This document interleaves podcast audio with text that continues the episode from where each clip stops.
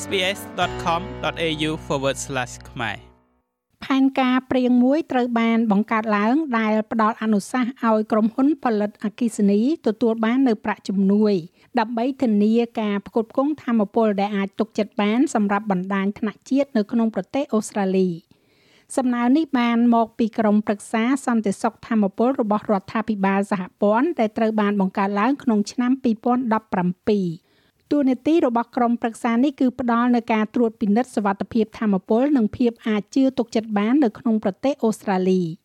ក្រមប្រឹក្សាសន្តិសុខធម្មពលរបស់រដ្ឋាភិបាលសហព័ន្ធកំពុងតែស្នើឡើងនៅអ្វីដែលគេហៅថាជាយន្តការសមត្ថភាព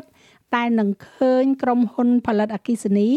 រួមទាំងរោងចក្រធ្យូងថ្មនិងអ៊ូស្ម៉ាន់ទទួលបាននៅប្រាក់ជំនួយដើម្បីធានាឲ្យបាននៅការផ្គត់ផ្គង់ដែលអាចទុកចិត្តបាន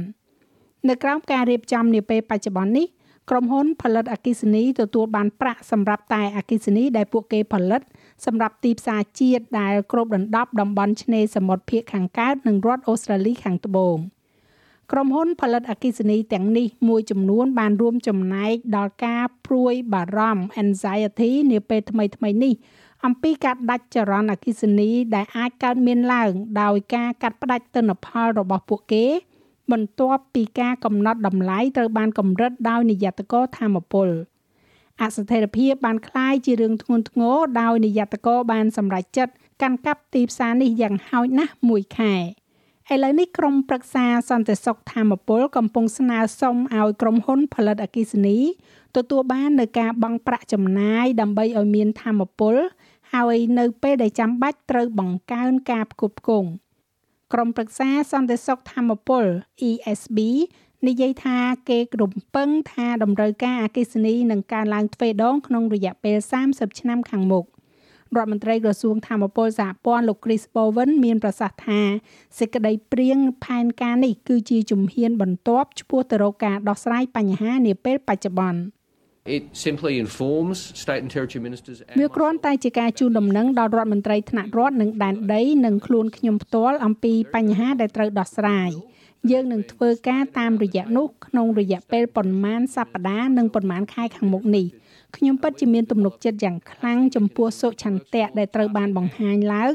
នៅជុំវិញតុប្រជុំរវាងរដ្ឋមន្ត្រីក្រសួងធម្មពលថ្នាក់រដ្ឋនិងដែនដីនិងរូបខ្ញុំផ្ទាល់ដែលនឹងបន្តឆ្លោះបញ្ចាំងលើបញ្ហានេះហើយយើងនឹងបង្កើតនៅយន្តការសមត្ថភាពដែលដំណើរការសម្រាប់កិច្ចការដែលមាននៅក្នុងដៃ ពលគឺធានានូវភាពជឿជាក់នៅពេលដែលយើងធ្វើការផ្លាស់ប្ដូរដ៏ធំនេះនៅក្នុងបណ្ដាញធម្មពលរបស់យើងដើម្បីផ្ដោតការយកចិត្តទុកដាក់បន្ថែមទៀតទៅលើធម្មពលកកើតឡើងវិញ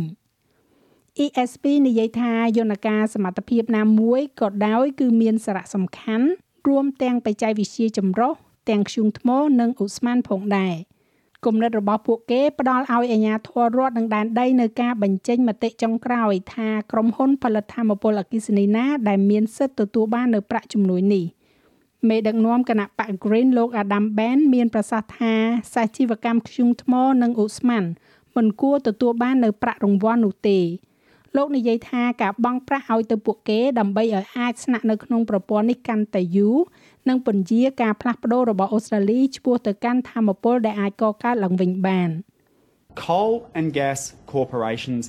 សាជីវកម្មខ្ជុងថ្មនិងអូស្មန်គឺជាមូលហេតុនៃវិបត្តិធម្មពលនេះវាមិនមែនជាចម្លើយទេការបង់ប្រាក់ឲ្យសាជីវកម្មខ្ជុងថ្មនិងអូស្មန်ឲ្យស្ថិតនៅក្នុងប្រព័ន្ធនេះកាន់តែយូរ មិនមែនគ្រាន់តែជាការបោះលុយចោលបន្ទាប់ពីរឿងអាក្រក់កើតឡើងនោះទេ វានឹងធ្វើឲ្យបញ្ហាកាន់តែធ្ងន់ធ្ងរ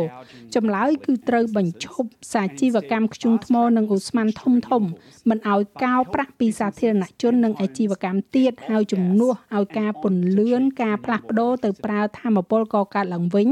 ឲ្យបានលឿនហើយបែរមកជួយអាជីវកម្មនិងលំនៅឋានឲ្យឈប់ប្រើហ្គាសនិងបែរមកប្រើប្រាស់អគ្គិសនីកកើតឡើងវិញដែលមានតម្លៃថោក លោក Ben ក៏បានរិះគន់ផងដែរដល់ផែនការរបស់គណៈបក Labor នៅក្នុងការកាត់បន្ថយការបំភាយឧស្ម័នឲ្យបាន43%នៅឆ្នាំ2030លោកនិយាយថាប្រសិនបើមិនកំណត់គោលដៅឲ្យខ្ពស់ជាងនេះទេអូស្ត្រាលីនឹងត្រូវទទួលខុសត្រូវលើការស្លាប់វត្ថុអច្ឆរិយៈមួយក្នុងចំណោមអច្ឆរិយៈទាំង7នៃពិភពធម្មជាតិ Labor is bringing a weak target to បក Labor កំពុងនាំមកនៅការកំណត់គោលដៅទុនខ្សោយមួយទៅកាន់សភា ដែលមានន័យថាជាការបញ្ចប់នៃ Great Barrier Reef គោលដៅរបស់បក Labor មិនស្របតាមគោលដៅនៃកិច្ចព្រមព្រៀងប៉ារីសទេ វាមានន័យថានឹងមានទឹកជំនន់កាន់តែច្រើនហើយភ្លើងឆេះព្រៃនឹងកាន់តែអាក្រក់ឡើងអ្នកវិទ្យាសាស្ត្របានយល់ច្បាស់ណាស់ការកំណត់គោលដៅទុនខ្សោយរបស់បក Labor មិនបានធ្វើនៅអ្វីដែលចាំបាច់ដើម្បីការពារ Great Barrier Reef